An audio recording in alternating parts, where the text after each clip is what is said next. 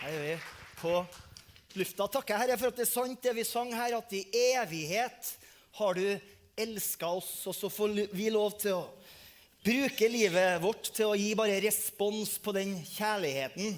Og få lov til å elske deg tilbake. La oss alle sammen få lov til å bli omfavna av deg her og nå. Vi ber om det i Jesu navn. Amen. Ja, har du det bra? Tenker jeg ofte det når jeg står oppå den scenen her, at wow, har alle de her kommet for å høre på meg? Kjenner presset? Nei da. Nei, men Det er herlig med jul. Vi begynner å kjenne litt på stemninga nå. To lys er tent, og lys i stjerna. Det er flott. Sånn, det, det er jo en del av jula, og det er flott. For meg som er sportsinteressert, så er jo liksom jul det er jo et eldorado av muligheter. Nå har jo, nå har jo verdenscupen på ski starta. Skiskyting. Sjakk-VM, vet du. Åh, på fredagen hadde hun nesten ikke tida til å dra på ungdomsmøte. Sju og en halv time satt han og, og spilte han eh, Magnus Carlsen. Og det endte med seier. Det er så herlig. Og så ble det lynsjakk-VM i mellomjula. vet du. Og så har vi jo Premier League, selvfølgelig. Liverpool er jo på andreplass. Ett poeng bak Manchester City. Og så jager Chelsea litt bak der, og ManU, Annika. Ja. En jul, det er herlig.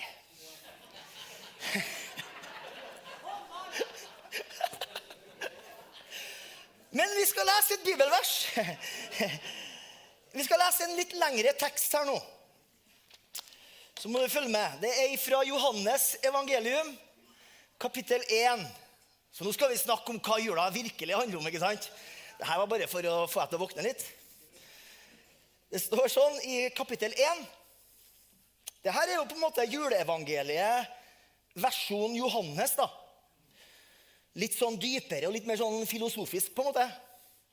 Og der står det sånn I begynnelsen var Ordet. Ordet var hos Gud, og ordet var Gud. Han var i begynnelsen hos Gud. Alt ble til ved han, og uten han ble ingenting til av det som ble til. I han var liv, og livet var menneskenes lys. Lyset skinner i mørket, og mørket forsto det ikke. Det var et menneske sendt av Gud. Hans navn var Johannes. Han kom for å avlegge vitnesbyrd, for å vitne om lyset, for at alle kunne komme til tro ved han. Han var ikke sjøl det her lyset, men han var sendt for å vitne om lyset. Dette var det sanne lyset som kommer inn i verden, og som gir lys til hvert menneske. Han var i verden, verden ble til ved og verden kjente han ikke. Han kom til sine egne, hans egne tok ikke imot ham. Men hver den som tok imot den, ga han rett til å bli Guds barn, de som tror på hans navn. De er født ikke av blod, ikke av kjøtts vilje, heller ikke av manns vilje, men av Gud. Og så kommer det. Ordet ble menneske og tok bolig iblant oss. Og vi så hans herlighet, den herlighet som den enbårne har fra sin far, full av nåde og sannhet. Slik lyder Herrens ord. Det er bra. Eh, jeg gikk gjennom et kjøpesenter for eh, en del dager siden. Gikk litt sånn i egne tanker, som jeg pleier å gjøre. Og så plutselig ble jeg oppmerksom eh, på musikken som sto på anlegget der. I kjøpesenteret. En veldig vakker versjon av Silent Night. Veldig flott å høre på. Glade jul på norsk. Så jeg stoppa opp, fant meg en benk satt meg ned og hørte på Silent Night. Prøvde liksom å få med meg teksten her nå. Og Så la jeg merke til folkene som eh, passerte forbi da, mens Silent Night gikk over anlegget. Og Da gikk det to tanker gjennom hodet mitt. Den første tanken det var at Jesus er bra for handelsstand og for økonomien. Det var den første tanken jeg fikk. Økonomien særlig i den vestlige verden, ville på en måte ikke klart seg så bra uten feiringa av Jesu fødsel. For det var mye folk der som bare gønna på fram og tilbake og var stressa for å fylle opp de her posene. Den andre tanken som slo meg, det var Jeg lurer på hvor, på, på hvor mange av de her menneskene som på en måte åpenbart drar fordel av Jesu fødsel, om de har hørt den virkelige historien. Den virkelige historien. Hvor mange av disse menneskene har noe som helst idé om hva som virkelig skjedde i Betlehem? Så begynte jeg å tenke på de menneskene i Bibelen som spilte en rolle den første julenatta. Hadde de en idé om hva som virkelig skjedde?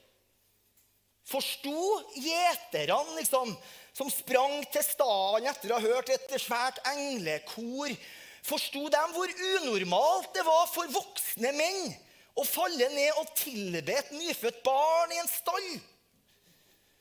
Forsto Maria, som holdt det her nyfødte barnet i hendene sine, hva som virkelig hadde skjedd? Eh, Lukas han eh, sier jo det at etter at gjeterne forlot staden, så står det at Maria grunnet på disse ord i sitt hjerte. Da tenker jeg, Hva forsto hun av det som hun hadde vært med på? Og hvis hun forsto det, hva, eh, så, hvordan skulle hun takle det? Hva skulle hun gjøre med det her? Ok, Det som hadde skjedd, da, som vi kanskje får litt sånn innblikk i fra Johannes her, det er at han som hadde skapt verden Det her er svært, vet du. Han som hadde skapt verden, hadde blitt født inn i verden. Han som hadde skapt mennesket, hadde sjøl blitt et menneske. Gud ble menneske, leste vi. Det er den virkelige historien som vi sjelden reflekterer over i, i, i, ja, i vår sentimentale julefeiring, som det ofte blir. Men det er den nyheten som burde vært trygt på forsida av alle aviser i hele verden, og som alle mennesker på denne jordkloden burde få høre i hvert fall én gang i løpet av livet sitt. At den levende Gud, han har blitt en av oss. Det er en sånn fin twittermelding Twitter du bør legge ut. Du. Gud har blitt en av oss. Det er utrolig. Utrolig. Da mener jeg ikke umulig eller at det ikke har skjedd. Men jeg mener det som ofte sportskommentatorer sier da, når, de, når, når, når noe uventa skjer. Noe som ingen har forventa. Noe du ikke i din villeste fantasi har tenkt kunne skje. Det var det som skjedde den julenatta. Det som skjedde den første julenatta, var ekstraordinært. Det at Gud har skapt verden ut av ingenting, det kan jeg på en måte henge med på. Jeg forstår ikke, men jeg henger med likevel, for han er tross alt allmektig. At han kan dele Rødehavet, sånn at israelsfolket kan gå tørrskodd over, det henger jeg jo med på. Skjønner ikke det heller, men Gud er allmektig, så da får han vel til alt, tenker jeg. At han kan mette 5000 mennesker med to fisker og fem brød. Jeg henger med på det òg. Gud er allmektig. Til og med at Jesus har stått opp fra de døde, kan jeg klare å henge med på. For Gud er allmektig. Men det som Gud gjorde den første julenatta, som C.S. Lewis kaller det, the great miracle, det store miraklet, det henger ikke jeg helt med på. Gud ble menneske. Tenk følgende.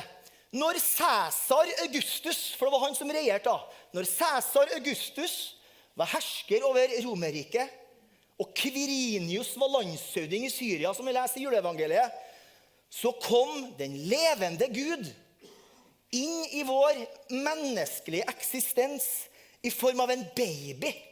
Høres ut. Dette skal dere ha til tegn. Dere skal finne et barn som er svøpt og ligger i en krybbe, står det i juleevangeliet. Det er utrolig. Skaperen blir en skapning.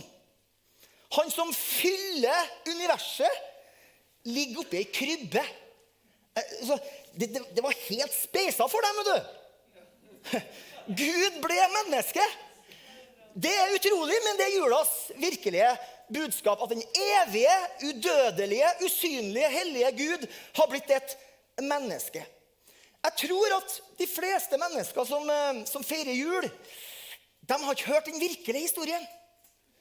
Ja, de fleste har hørt om denne spesielle lille gutten som ble født av ei like kanskje spesiell jente ei stjerneklar natt.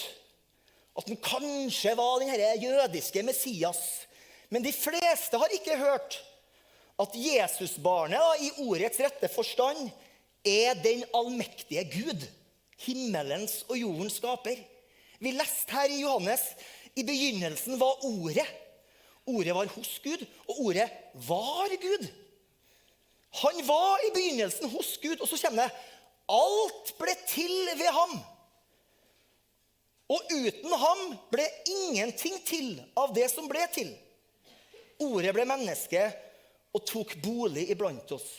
Eller som det står i denne message-oversettelsen Ordet flytta inn i nabolaget og bosatte seg her som en av oss. Det ser ut som om forfatterne i Nytestamentet kjemper litt med å finne liksom det, det, riktige språket for å forklare det her mysteriet.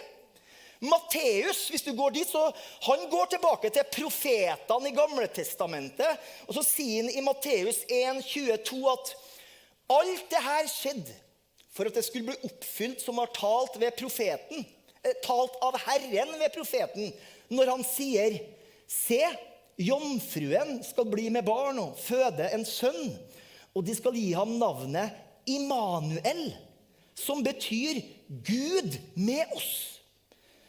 Og jeg tror jo at Matteus mener den sier Gud med oss. Gud virkelig med oss. Som en av oss. Mens Johannes han eh, drar oss litt litt sånne dypere tanker. Han bruker et gresk konsept når han skal forklare mysteriet. Han bruker ordet 'logos'. Og det, Av det ordet kommer jo ordet 'logikk' og 'logisk'. Og jeg tenker liksom, Hvorfor bruker Johannes, fiskeren Johannes, det ordet? Han, han kunne jo bruke ordet 'sønn' eller ordet Herre i begynnelsen var Herren, Herren var hos Gud, og Herren var Gud. Og alt er blitt til ved Herren. ikke sant? Jeg kunne ha brukt ordet. Men hvorfor sa han, hvorfor sa han ikke sånn isteden? Jo, jeg tror at Johannes ønsker å nå et så bredt publikum som mulig. da. Jeg tror han starter sin historie om Jesus på denne måten for å fange oppmerksomheten til flest mulig mennesker. Du skjønner, For grekerne så var logos det var liksom universets rasjonelle prinsipp. Det var selve livets kilde. Det var det som holder alt sammen, det opprettholder av alt. Der vi har eh, vårt vesen og vår eksistens. I begynnelsen var ordet. I begynnelsen var logos. Logos var med Gud, altså en slags Guds kompanjong. Men Logos var Gud, altså Gud sjøl. Og Logos ble menneske, altså det vi er, og tok bolig iblant oss. Det er utrolig. Matteus og Johannes de begynner sine evangelier med historien om Jesu fødsel tenker jeg da, sånn at når vi leser resten av evangeliet, så skal vi lese det og forstå det riktig. De vil at vi skal forstå at Jesus fra Nasaret, han som gikk med dem, han som snakka med dem, han som spiste med dem, han er Gud. Skaper av himmel og jord i menneskelig form. Eh, de vil at vi skal forstå at han som en del trodde var gal, han som gråt ved sin venns Lasarus' grav, han er opphavet til alt. Han som ble så sliten og tørst at han satte seg ned og ba en samaritansk kvinne om vann, han er faktisk den som skapte vannet. Det er litt sånn paradoks. Det finnes ingenting i verdenshistorien som kommer i nærheten av en sånn julehistorie. Ingen verdens ting. Det er herlig. Når, eh, når Cæsar Augustus satt på tronen og trodde at han regjerte over verden, så lå, lå han som har talt alle galakser og stjerner til eksistens, i krybbe. Eh, Kul story, vet du. Du vet, i Melkeveien, det er der du bor, da. Der har vi ca. 100 milliarder stjerner. Det er mye. Og så tipper astronomer at det finnes 10 milliarder galakser. Og hvis alle her galaksene har rundt 100 milliarder stjerner, så betyr det at det finnes rundt 100 trilliarder stjerner. Det er en del nuller. Og jeg har regna på det. 100 trilliarder stjerner er ca. 100 ganger så mange stjerner som det finnes sandkorn på jorda. Jeg har telt dem alle sammen. Nei, men Jeg leste på forskning.no om det her. Så da, det må vi stole på. Da begynner det å bli ganske svært. Der henger ikke jeg helt med. Men hør. Ha det i bakhodet, akkurat det der svære her nå. Så hører du det her. En dag på en bitte liten planet kalt jorda, i et bitte lite land kalt Israel, en bortgjemt by kalt Betlehem, så lå han som talte alle de her stjernene til eksistens, i armene på ei ung mor. Det er en flott story. En dag ble han En dag trengte Gud ei mor for å ta seg av en. Tenk hvordan det hørtes ut for, for de folkene der som hadde et veldig sånn høyt syn på Gud. Ingen annen historie er i nærheten av å komme med sånne påstander. Veldig mange andre hellige historier snakker jo om menneskets forsøk på å finne Gud. Men den virkelige julehistorien snakker om Gud som finner en vei for å komme til oss. Det er flott. En gang så var det eh, en del, sånne, eh, det var en del ledere fra de ulike verdensreligionene som møttes. Og Der var det en ung muslim som sa vi søker alle den samme Gud. Dere kristne kaller en Gud. Vi muslimer kaller en Allah. Dere følger hans profet Jesus, mens vi følger profeten Muhammed. Men det er jo liksom basically det samme. sånn. Så var det en, en ung kristen professor som var til stede. Han tok ordet og sa nei, det er ikke helt det samme. Jeg tror du har misforstått litt. Vi følger ikke Jesus bare som en profet. Vi tror at Allah sjøl kom ned. Vi tror at Gud kom til planeten som menneske blant mennesker. Han levde, han døde, han sto opp igjen, og Jesus Kristus er hans navn. For muslimen var jo det der blasfemi. At Gud kan bli menneske. liksom. Så han gikk seg en tur. Senere på kvelden så kom han liksom, liksom slukøra tilbake. Og så sa han til den kristne professoren at Du, professor, jeg har sjekka, med, sjekka påstandene dine. Og det stemmer at dere kristne lærer det her. Det stemmer. Og det er den mest vidunderlige historien. da. Hvis den bare var sann. Ok? Jeg er jo overbevist om at de fleste mennesker som forkaster Jesus, eh, kanskje fordi de opplever at han ikke er relevant i forhold til livets realiteter, de har ikke hørt den virkelige historien. Historien om at Gud ble menneske, er kanskje ikke så enkelt å gripe for, eh, for det moderne mennesket. Vi, vi, vi, tror jo at vi er veldig smart. ikke sant? Men jeg tenker at det var ikke noe enklere for det første århundrets menneske. Det var kanskje vanskeligere for dem. For, fordi de hadde et mye høyere syn på Gud. Og så vet vi jo at mennesket gjennom hele historien har prøvd å sette ord på det her mysteriet. Det er en kirkefader som heter for Augustin. Se om du klarer å henge med på det her. da. Han sa følgende Her er Han som alt er skapt ved. Åpenbaringen av far, skaperen av mor. Guds sønn av Faderen uten mor. Menneskesønn av mor uten far. Det blir litt dypt og svevende samtidig, men det stemmer jo, den sier. Men, men la oss la mysteriet ligge litt her nå. Og heller prøv å tenke litt på hva betyr det her for oss? Hva betyr det her for oss hvis den virkelige historien er sann? Eh, for jeg tror det her påvirker alle sider av livet vårt. Og jeg skal gi deg seks enkle punkter. Det klarer du på en søndags formiddag. Magnus begynner ikke å spille før kvart over tre. Nei, kvart over ett. Så da har vi god tid. Seks enkle punkter. Nummer én. Hvis den virkelige historien blir fortalt, så blir vi mennesker gitt en utrolig verdighet. Aha. Fordi Gud ble ikke en engel.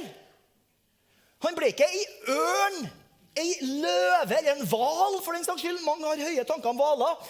Han ble ikke en diamant, ei datamaskin eller et atomkraftverk. Gud ble et menneske. En av oss. For alltid. Mm -hmm. Og så tar Bibelen oss videre. Fordi verdighet har spesielt blitt gitt til dem som er lavest på rangstigen. For når han kom, så kom han ikke som en svær konge eller en statsminister over, over en, en, stor nasjon. Eller som en superstjerne på et eller annet område. Eller, eller en professor for de snusfornuftige. Han kom som en av de vanlige folkene. Og så går det enda lenger. Han kom som en av de fattige, vanlige folkene. Han ble født i omstendigheter langt under det han egentlig hadde fortjent. I en stall. Du vet, ei krybbe, det er et mattrøv, det. Hvis du ikke visste det. Det er et mattrøv. Det er der dyrene spiser fra. Der lå han. Så jula opphøyer det vanlige mennesket. Særlig de fattige, vanlige menneskene. Hør bare hva Maria, mora til Jesus, synger etter at hun fikk beskjed eh, om at hun skal bli mor til verdens frelser. Da synger hun en sang der. Hun synger Min sjel opphøyer Herren. Min ånd har frydet seg i min Gud, min frelser. For han har sett til sin tjenestekvinnes ringe stand. Han har støtt ned de mektige fra sine troner og opphøyet de små. Det er meg og deg, det, vet du. Han har metta de sultne med gode gaver. Så du skjønner, Hvis den virkelige historien blir fortalt, så har vi mennesker blitt gitt en enorm verdighet. Nummer to. Hvis den virkelige historien blir fortalt, så vil vi forstå at vi er, vi er aldri alene i vår smerte. Aldri alene. Hvis den virkelige historien blir fortalt, så vil vi oppdage Guds medfølelse. De fleste mennesker tror at ja, Gud han er jo i hvert fall klar over min smerte. Det, det, det, tror jo de fleste mennesker på. Men en del tviler på om han kan føle med oss i vår smerte. Ja, han kan ha sympati, men kan han ha empati? Mange tror at Gud han er jo langt oppi der, trygg og sikker oppe i himmelen sin. Og så er vi ned her, alene i vår smerte. Men hva forteller liksom den totale julehistorien oss? Den forteller oss at det, det er Gud som ligger i den krybba, ja. Men det er også Gud som bærer all synd og smerte. Det er Gud som ble hengt på et kors. Som led mer enn noen andre har lidd.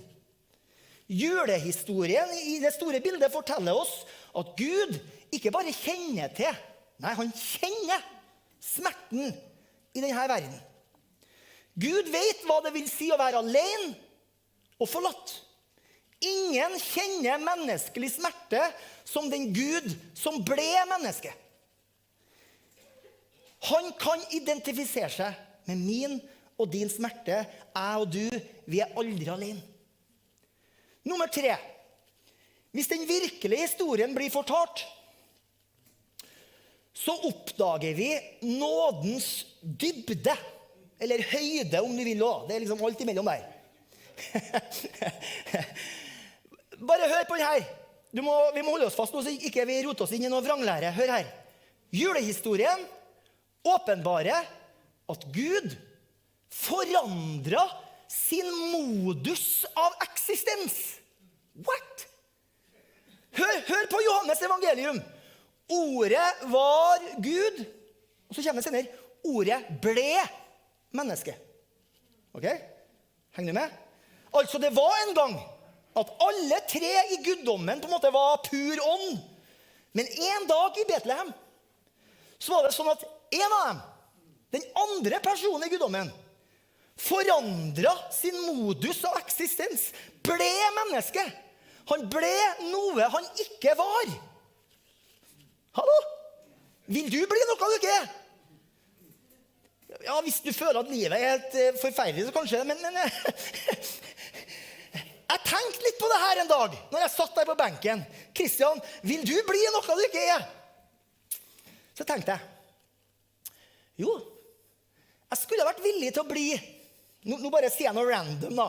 Eh, en filippiner, en ukrainer, en somalier. Jeg kunne ha vært villig til det. Hvis det hadde gjort slutt på, på, på alle de her lidelsene til menneskeheten. Da skulle jeg vært villig til det. Jeg, jeg, jeg skulle vært villig til å skifte hudfarge, få litt annerledes øyne, hvis det hadde gjort slutt på lidelse og smerte. Men jeg hadde ikke vært villig til å bli en hund. Og sorry, svigermor, ikke en hest heller. Eller et esel. Bare for å gjøre slutt på deres lidelse. Nei, det hadde jeg ikke vært villig til. Jeg ville ikke vært villig til å forandre min eksistens så mye. Gud ble menneske, forandra sin modus av eksistens for at jeg og du fullt ut kunne bli fri til å være det vi var skapt til å være. Det forteller oss hvor dypt og hvor høyt nåden rekker. Nummer fire. Hvis den virkelige historien blir fortalt, så har vi et utrolig håp for framtida. Vi kan være sikre på at en dag så skal vi bli og være fullstendig fri. Du vet, i den staden, den første julenatta, så knytta Gud seg til vår menneskelighet for alltid. Altså, det betyr at han knytta sin skjebne til vår skjebne. Han ble menneske. Ikke bare i 33 år mens Jesus gikk her på jorda. For alltid. For alltid. Når Jesus sto opp fra de døde, så sto han ikke bare opp i sin guddommelige natur. Nei, han sto opp i sin guddommelige natur og menneskelige natur. Hallo? Når han sitter i dag ved Faderens høyre hånd, så har ikke han lagt fra seg sin menneskelige natur. Den andre personen i guddommen er 100% Gud og 100% menneske. Ikke bare i 33 år, for alltid. Så det betyr at vår framtid som menneske er like sikker som Guds framtid. Han er garantien for at vi som tror på Han, skal bli fullt ut forløst. Det er jo det bibelterminologien. Det betyr egentlig fullstendig fri. Fordi jeg lever, så skal dere også leve, sa Jesus. Det er flott. Nummer fem. Hvis den virkelige historien blir fortalt, så blir alt det andre som Jesus sa, veldig troverdig. Han sa jo en del litt sånn merkelige ting. Hvis Jesus er Gud i menneskelig form, så er det helt naturlig at han kom med en rekke utrolige uttalelser. Han som er Gud, kan da selvfølgelig si 'Jeg er livets brød'. Hvis han er Gud, så kan han selvfølgelig si 'Jeg er verdens lys'. Eller 'Jeg er veien, sannheten og livet'. Eller 'Hvis du er tørst, kom til meg og drikk'. Ut fra ditt indre skal det renne strømmer av levende vann. Hvis Jesusbarnet er den Gud som jeg og du skal gjøre regnskap for en gang. Og hvis han sier dine synder er deg tilgitt, da er de tilgitt. Det er ikke noe rettsinstans over han, han, han er på toppen, han. Hvis han som er skaperen av jorda, hvis han roper ut 'Det er fullbrakt', da er det fullbrakt. Hvis han er livets kilde og opphav og sto opp fra de døde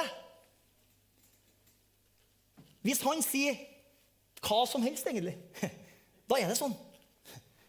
Hvis han er ordet som ble menneske, det ordet som skapte himmel og jord, da er hans ord alt det som jeg og du trenger for å tro at en dag så kommer han tilbake og retter opp liksom en skakkjørt verden. da.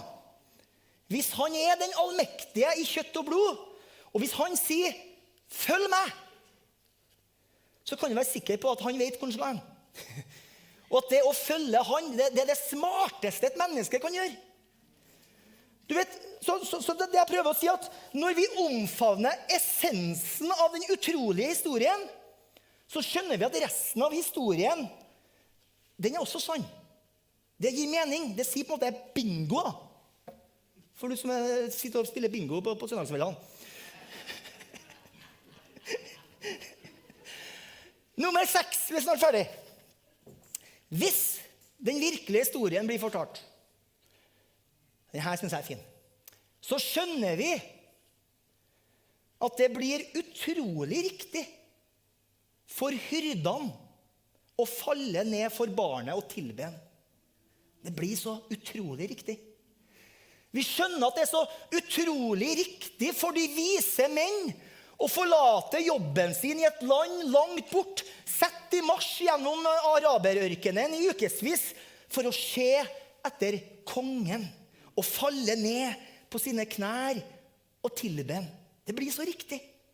Vi forstår hvor utrolig riktig det er for hundrevis av millioner av mennesker over hele verden i dag strekke ut sine hender, falle ned og tilbe ham. Det er noen som har sagt hvis du ønsker å finne ut om noen har forstått julebudskapet, så spør personen tilber du Jesus. Tilber du Jesus? Jeg vil svare selvfølgelig tilber jeg Jesus. Hvem andre skal jeg tilbe? Jeg leste på et julekort en gang følgende uttalelse. Ordet ble ikke en filosofi for å bli diskutert, en teori for å bli debattert, eller et konsept for å bli reflektert over. Ordet ble en person for å følge etter og for å tilbe. Julehistorien den deler verdenshistorien i to. Vi snakker jo om før og etter Jesu fødsel fordi det er den viktigste og det er den mest betydningsfulle hendelsen i historien. Ordet ble menneske og tok bolig iblant oss. Gud ble menneske for deg og for meg. Det er utrolig. Og det er jul. God jul.